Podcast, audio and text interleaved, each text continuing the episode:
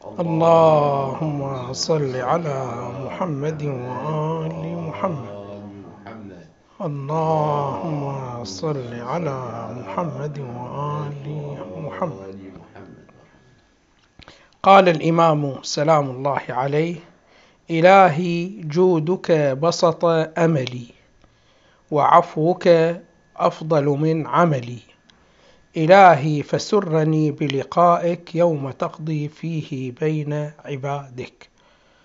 عندنا وقفة في قوله سلام الله عليه إلهي جودك بسط أملي وعفوك أفضل من عملي. في عندنا عبادة شوفوا عندنا كذا عبادة من العبادات كما يقول أهل الله هذه عبادات تطوي الطريق. يعني من أراد أن تطوى له الطريق طريق السلوك إلى الله سبحانه وتعالى فعليه أن يمارس هكذا عبادات. من هذه العبادات عندنا عبادة استذكار النعم. وعندنا عبادة التفكر. الآن إحنا نريد نتكلم في عبادة استذكار النعم. الله سبحانه وتعالى أنعم على العبد بنعم جدا جدا كثيرة. ولكن لغفلة العبد عن هذه النعم لا يشكر الله سبحانه وتعالى. ولا تكون هذه النعم السابقة مؤسسة لحياة جديدة في حياة المنعم عليه. فيحتاج الإنسان أن يقتطع من وقته قسم يجلس بينه وبين نفسه ويستذكر هذه النعم. هذا الاستذكار له فائدة جدا جدا في السلوك إلى الله سبحانه وتعالى. ولفتح الرجاء البعض قد يشتكي من حالة يأس بينه وبين الله سبحانه وتعالى يلتفت إلى ذنوبه ويلتفت إلى تقصيره فيصيبه حالة يأس. هذا عادة يوصفون له يقول له انظر إلى نعم الله سبحانه وتعالى السابقة عليك. فالله سبحانه وتعالى عودك الإنعام فلماذا تيأس من الله سبحانه وتعالى؟ عليك شنو ماذا أن لا تيأس؟ إذا أنت شنو ماذا التفت لنعم الله سبحانه وتعالى. شوفوا إحنا عندنا كثير من الناس وللأسف الشديد أنه دائما الإنسان إذا كانت النعمة مستمرة عليه فإنه لا يدرك أنها نعمة من الله سبحانه وتعالى. ويقول لك هذا الأمر شنو؟ هذا طبيعي. الله سبحانه وتعالى طالما أوجدني لا بد أن يلتزم لي بهكذا أشياء. فما يدرك قيمة هذه النعمة. نعم البعض الله سبحانه وتعالى ورحمة بهم يسلب هذه النعمة مدة معينة. فإذا سلب هذه النعمة المدة المعينة عند ذلك يستذكر بأنه هذه نعمة يلتفت فيلتفت إلى الله سبحانه وتعالى ويشكر الله سبحانه وتعالى. فهذا شنو ماذا؟ من باب التأديب. فتشوفوا أنت شخص من الأشخاص إذا ما اشتكى مرض طيلة حياته ما راح يدرك بأن الصحة نعمة من النعم. ولكن إذا الله سبحانه وتعالى أفقده الصحة لمدة معينة عند ذلك يدرك بأنه هذه نعمة فيتوجه إلى الشكر. فالمرض هو شنو؟ ماذا عصى الله سبحانه وتعالى لتأديب عباده. فعلينا دائما شنو ماذا وأبدا؟ أن نستذكر شنو ماذا؟ النعم. يجلس الإنسان مع نفسه يختلي بنفسه ويستذكر النعم. منذ أن جاء به الله سبحانه وتعالى إلى هذه الدنيا إلى هكذا وقت. يستذكر النعم ثم يطالب نفسه بالشكر على هذه النعم. مثل هكذا شخص يقترب من الله سبحانه وتعالى فيقول الإمام سلام إلهي جودك بسط أملي. أنا إذا الآن أتوجه إليك وأنا آمل بالعطاء فلأني مجربنك قبل. وعاطني كثير شنو ماذا من العطايا. وعفوك أفضل من عملي.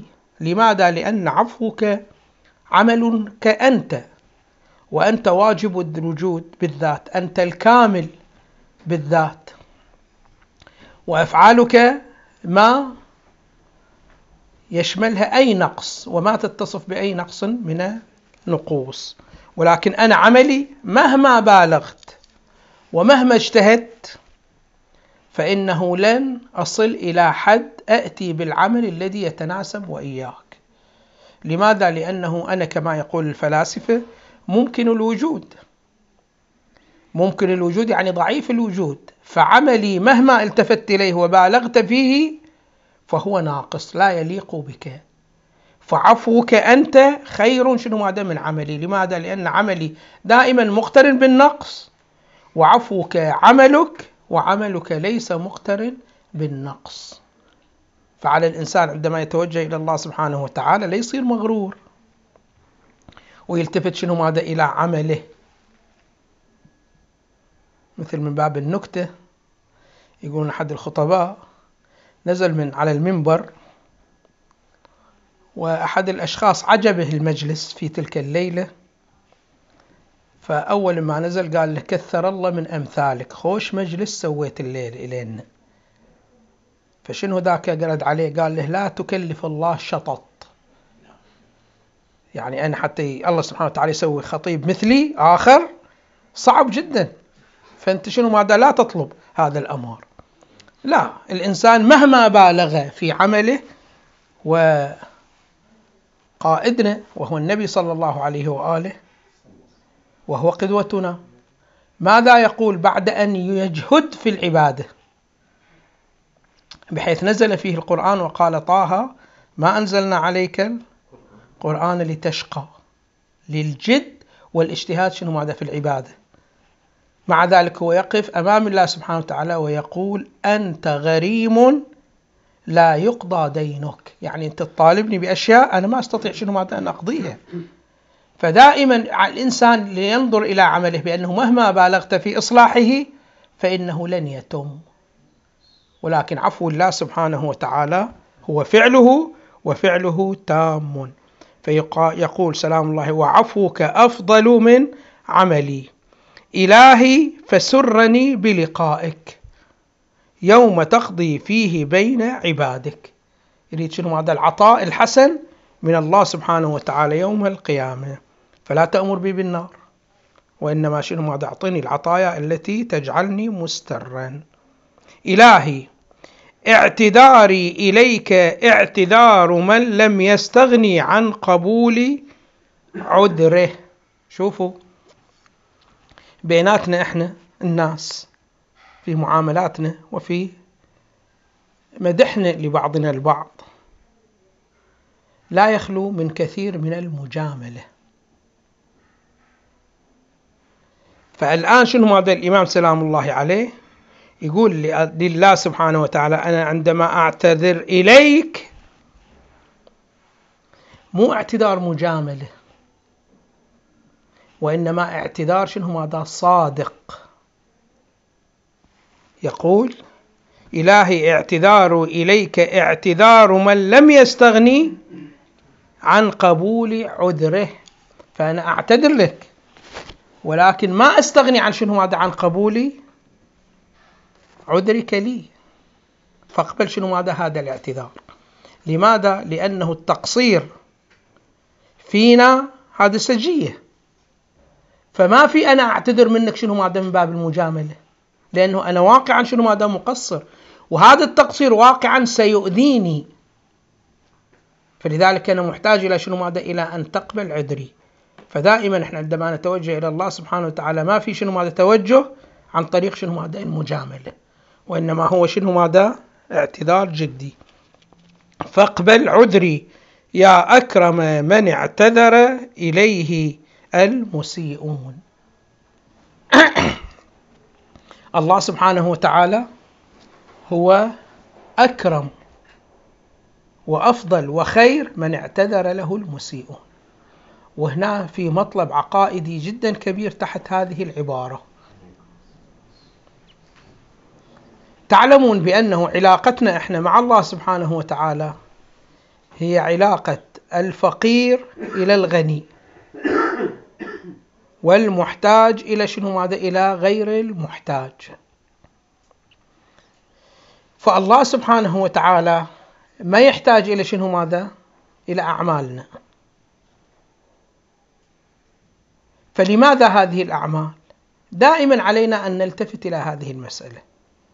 بأن أعمالنا مو هي شنو هذا السبب لإعطاء الله سبحانه وتعالى إيانا. لا الله سبحانه وتعالى طالما إحنا الآن في حياتنا إذا واحد أعطاك بلا سبب فهو أكرم ممن يعطيك بسبب أم لا؟ قطعا هو شنو هذا أكرم؟ فإحنا إذا قلنا بأن الله سبحانه وتعالى لا يمكنك أن تتصور من هو أفضل منه ومن هو أكمل منه. فهو إعطائه إياك. شنو ماذا؟ مو لسبب. بحيث أنت إذا لم تأتي بهذا السبب يحصل عندك يأس. وإذا حصل وإذا جئت بهذا السبب تكون شنو ماذا؟ أكثر رجاء. لا. لا تتوجه لله سبحانه وتعالى وأنت بهذا النحو. لماذا؟ لأنه أنت بهذا العمل الذي تعمله ما هو الحقيقة التي تصنعها أنت من جديد؟ يقولون أنت شنو ماذا تغير نفسك. فأنت قبل هذا العمل ما كنت مؤهل لأن تستفيض بفيض الله سبحانه وتعالى. بعد العمل بإمكانك أن تستفيض من فيض الله. فيقولون دائما الأعمال الصالحة التي تأتي بها هو كلها لماذا؟ لإصلاح المحل. يعني شنو لإصلاح المحل؟ يعني هذا المحل لم يكن بإمكانه أن يستفيد من عطايا الله سبحانه وتعالى بهكذا عمل تعمله أنت تغير نفسك فتكون مستحق لهذا الأمر. شوفوا الآن مثلا لو فرضنا شخص من الأشخاص مدرس أستاذ يجي شنو ماذا؟ ويشرح المطلب. ويشرحه بنحو جدا متقدم بحيث ما يمكن أن نتصور تقديم للمادة أفضل من هكذا تقديم. إذا عندك بعض الأشخاص ما استفادوا شنو ماذا من هذا الدرس. وأنت شنو ماذا حللت؟ لماذا هؤلاء لم يستفيدوا من هذا الدرس؟ تشوف شنو ماذا في أثناء الدرس أساسا هو شنو ماذا؟ جهازه الذي به يلتفت إلى أستاذه كان مشغول شنو ماذا؟ بأمور أخرى. يعني الشمس تأتي من طرف الأستاذ هو فاتح نافذته من وين؟ من طرف الخلف. فيفكر شنو ماذا في أشياء وفي موضوعات خارج شنو ماذا الدرس. فهنا عندما ما يستوعب الدرس هل النقص في الأستاذ؟ النقص مو في الأستاذ. المشكلة في هذا شنو ماذا؟ بأنه لم يتوجه إلى أستاذه. فهذا أنت عندما تقول لي شنو ماذا توجه أو شنو ماذا؟ أو بضربك. توجه أو شنو ماذا؟ أو بأذيك. هو في الواقع شنو ماذا؟ مو حبا في الإيذاء. ولكن هذا اللسان يريده إليه حتى شنو ماذا؟ يكون جدي فيتوجه بهذه الصورة. فإذا لم يستفد هكذا هكذا نحن مع الله سبحانه وتعالى. دائما شنو ماذا؟ نفهم هذه المسألة بأن الله سبحانه وتعالى ليس محتاج إلى أعمالنا. هذه المسألة. والمسألة الثانية بأن أعمالنا فائدتها أنه يتغير. الموضع. أنت شوف هذا أنت أنت مو مفروض عليك. الله سبحانه وتعالى ما يفرض عليك نحو معين من أنحاء الوجود. وإنما أنت تصيغ نفسك شنو هذا في الآخرة. وفي الدنيا أيضا. شوفوا الآن الإنسان قسم معين شنو هذا مفروض عليه وهو بالنسبة إلى السجايا والإرثيات التي يأخذها شنو هذا من والديه بهي الصورة بهذا النحو. مثلا طول معين لون معين. هذه شنو ماذا؟ هذه راجعة إلى شنو ماذا؟ يعني مفروضة عليك. فما في واحد يجعل نفسه طويل ولا يجعل نفسه قصير ولا يجعل نفسه أسمر ولا يجعل نفسه شنو ماذا أبيض. وإنما العوامل الوراثية هي الحاكمة في هذه المسألة. ولكن هذه الجوانب ليست بمهمة. هذه أساسا هي أمور زائدة على الإنسان. والإنسان بمجرد أن يموت هذه شنو ماذا يتركها؟ ما هي الحقيقة هي مو داخلة فيه في تركيبته. عندك أشياء بإمكانك شنو ماذا أن أنت تصنعها هذه هي التي داخلة في تركيبتك. وهي شنو ماذا لا تنفصل عنك. وهي عبارة عن الهيئات التي تكون عليها نفسك. فأنت الآن تصنع نفسك. فشوفوا الآن الذي دائما يقرأ ثقافة معينة ويرتبط بالثقافة معينة ويمارس أعمال معينة مع الالتفات إلى هذه الأعمال. فإن هذه الأعمال هي التي تشكل صورته. فأنت لا تنتظر بأنه لا تفكر بأنه صورتك أنت لك صورتين صورة ظاهرية وصورة باطنية. الصورة الظاهرية وهي ليست مهمة وهذه راح تنفصل عنها بالموت. هذه شنو ماذا مفروضة عليك. ولكن الصورة الباطنية أنت توجدها وهي دائما شنو ماذا وياك؟ ودائما هي باقية معك. وهنا كلام جدا شنو ماذا عجيب إلى النبي صلى الله عليه وآله. النبي صلى الله عليه وآله له عبارة من العبارات القيمة جدا التي تبين مطلب علمي جدا عالي وجدا راقي. يقول النبي صلى الله عليه وآله سلمان وعمار. سلمان المحمدي وعمار بن ياسر. يقول هذان تشتاق لهم الجنة. مو هما يشتاقان إلى الجنة. لا الجنة هي شنو ماذا؟ تشتاق لهما. فلذلك هما خير من الجنة. يريد النبي صلى الله عليه وآله شنو ماذا يبين؟ لنا مطلب جدا كبير. هنا. وهو أنه شوفوا أنت عندما تعمل الأعمال المعينة وتعتقد الاعتقادات المعينة هذه الأعمال المعينة والاعتقادات المعينة توجد فيك هيئات نفسانية معينة. هذه الهيئات النفسانية المعينة هي التي تكون حور عين وولدان مخلدون. خب هذه الهيئات قائمة بمن؟ بفاعلها وهو شنو هذا الإنسان؟ لذلك شو هي تشتاق إلى من؟ إلى سلمان وإلى عمار. بهي الصورة وبهذا النحو. فعلى أي حال هنا الإمام سلام الله عليه يقول إلهي اعتذاري إليك اعتذار من لم يستغني عن قبول عذره. فإذا عذري مو مجاملة فاقبل عذري يا أكرم من اعتذر إليه المسيئون. لماذا هو أكرم اعتذر المسيئون؟ لأنه هو شنو ماذا؟ ما يوقف أي شيء من الأشياء بحجة أنك أنت لم تعمل.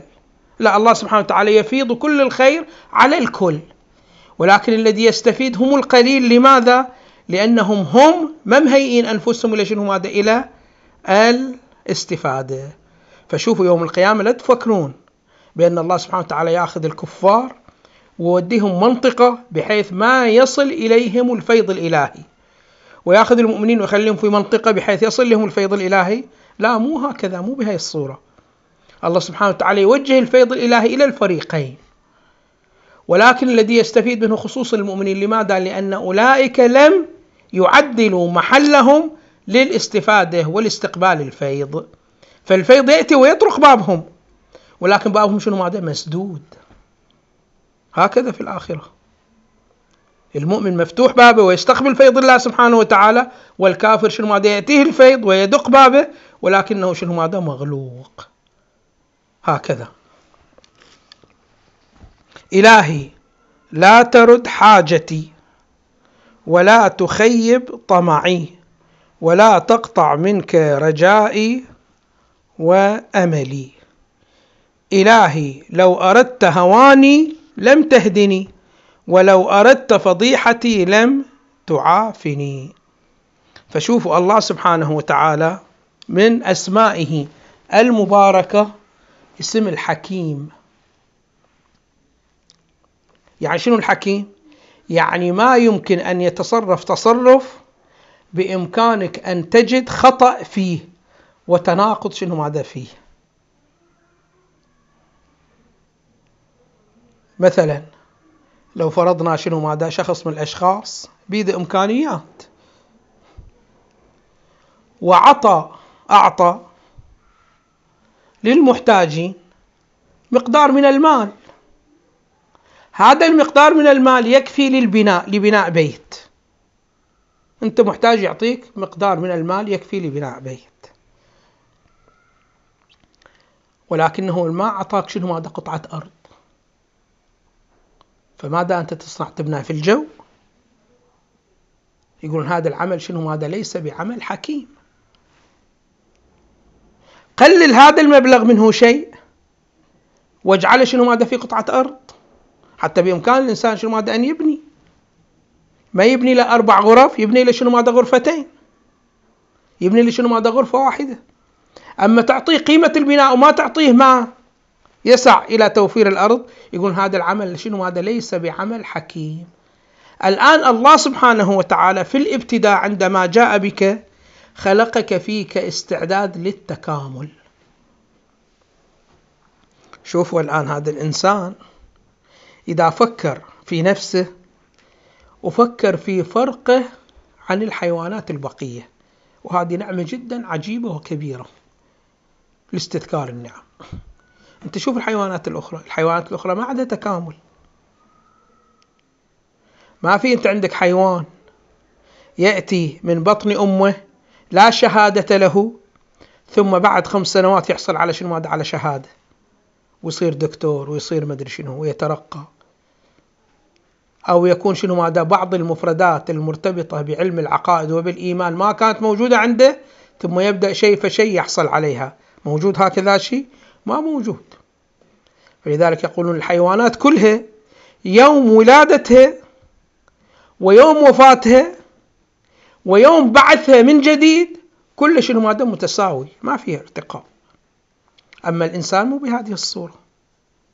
الإنسان كائن قابل شنو ماذا للتكامل. وإلى أي حد قابل للتكامل؟ إلى حد لا يعلمه إلا الله سبحانه وتعالى. مثلا النبي صلى الله عليه وآله. فعل هذه الحيثيات فيها وتكامل ما شاء الله. وهذا الباب مفتوح لكل إنسي من الناس. فإذا هنا عندما يقول إلهي لو أردت هواني لم تهدني. يعني أنت لو أردتني بأنه أنا ما أترقى في حياتي من أول شنو ماذا تقدر؟ ما تخلق عندي الاستعداد. فتجعلني كبقية الحيوانات. ولكن أنت جعلت في هذا الاستعداد شنو ماذا للتكامل. إلهي لو أردت هواني لم تهدني ولو أردت فضيحتي لم تعافني.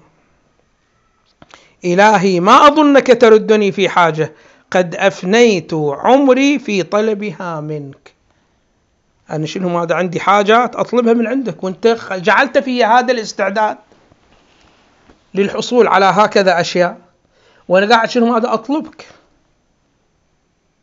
بما يتناسب هذا الاستعداد الذي وجدته أوجدته فيه وهو شنو؟ ماذا أن توفقني لمعرفتك أن توفقني للقرب منك أن توفقني لحمل صفاتك ولأخلاقك. تخلقوا بأخلاق الله. هذه الأمور كلها شنو؟ ماذا؟ جعلتني مستعد وأنا قاعد شنو؟ ماذا؟ أطلب منك. وأنت حكيم. فما معقول؟ تخلق في الاستعداد وما تعطيني هذا الحاجة. وأنت شنو؟ ماذا؟ الحكيم. إلهي ما أظنك تردني في حاجة قد أفنيت عمري في طلبها منك. إلهي فلك الحمد أبدا أبدا دائما سرمدا. يزيد ولا يبيد كما تحب وترضى. الحمد هو عبارة عن الثناء على الأمور الجميلة التي هي عند الله سبحانه وتعالى وهي عند الله سبحانه وتعالى باختياره. ونحن نعلم أن الله سبحانه وتعالى عندما يتصف بصفة معينة فإن هذه الصفات الحميدة ليست هي مفروضة عليه وإنما هي شنو ماذا؟ باختياره. وكذلك أفعاله الجميلة أيضا شنو ماذا؟ باختياره. ما في شيء مفروض عليه أبدا بهذه الصورة وبهذا النحو. فإذا شنو ماذا؟ الحمد لله سبحانه وتعالى كما يستحق وهو يستحق الكثير شنو ماذا؟ من الحمد. لماذا؟ لأنه اتصافه اتصاف أزلي وأبدي وكذلك عطاياه وإفاضاته إفاضات أيضا شنو ماذا؟ أزلية وأبدية فما في شنو ماذا؟ مدة معينة ينتهي عطاء الله سبحانه وتعالى وتنتهي إفاضاته أو ينتهي شنو ماذا؟ اتصافه لا هذه في الأمور الممكنة مثلي ومثلك عندنا بعض الكمالات ولكن شنو ماذا؟ مؤقتة لم تكن أزلية واضح شلون؟ وإذا صارت أبدية فإنما هي بإرادة الله سبحانه وتعالى. فإذا الحمد إلى الله سبحانه وتعالى على نحو الاستمرار.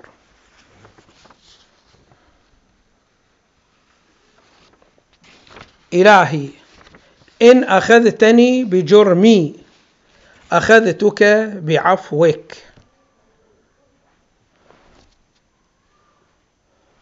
وإن أخذتني بذنوبي وإن أخذتني بذنوبي أخذتك بمغفرتك.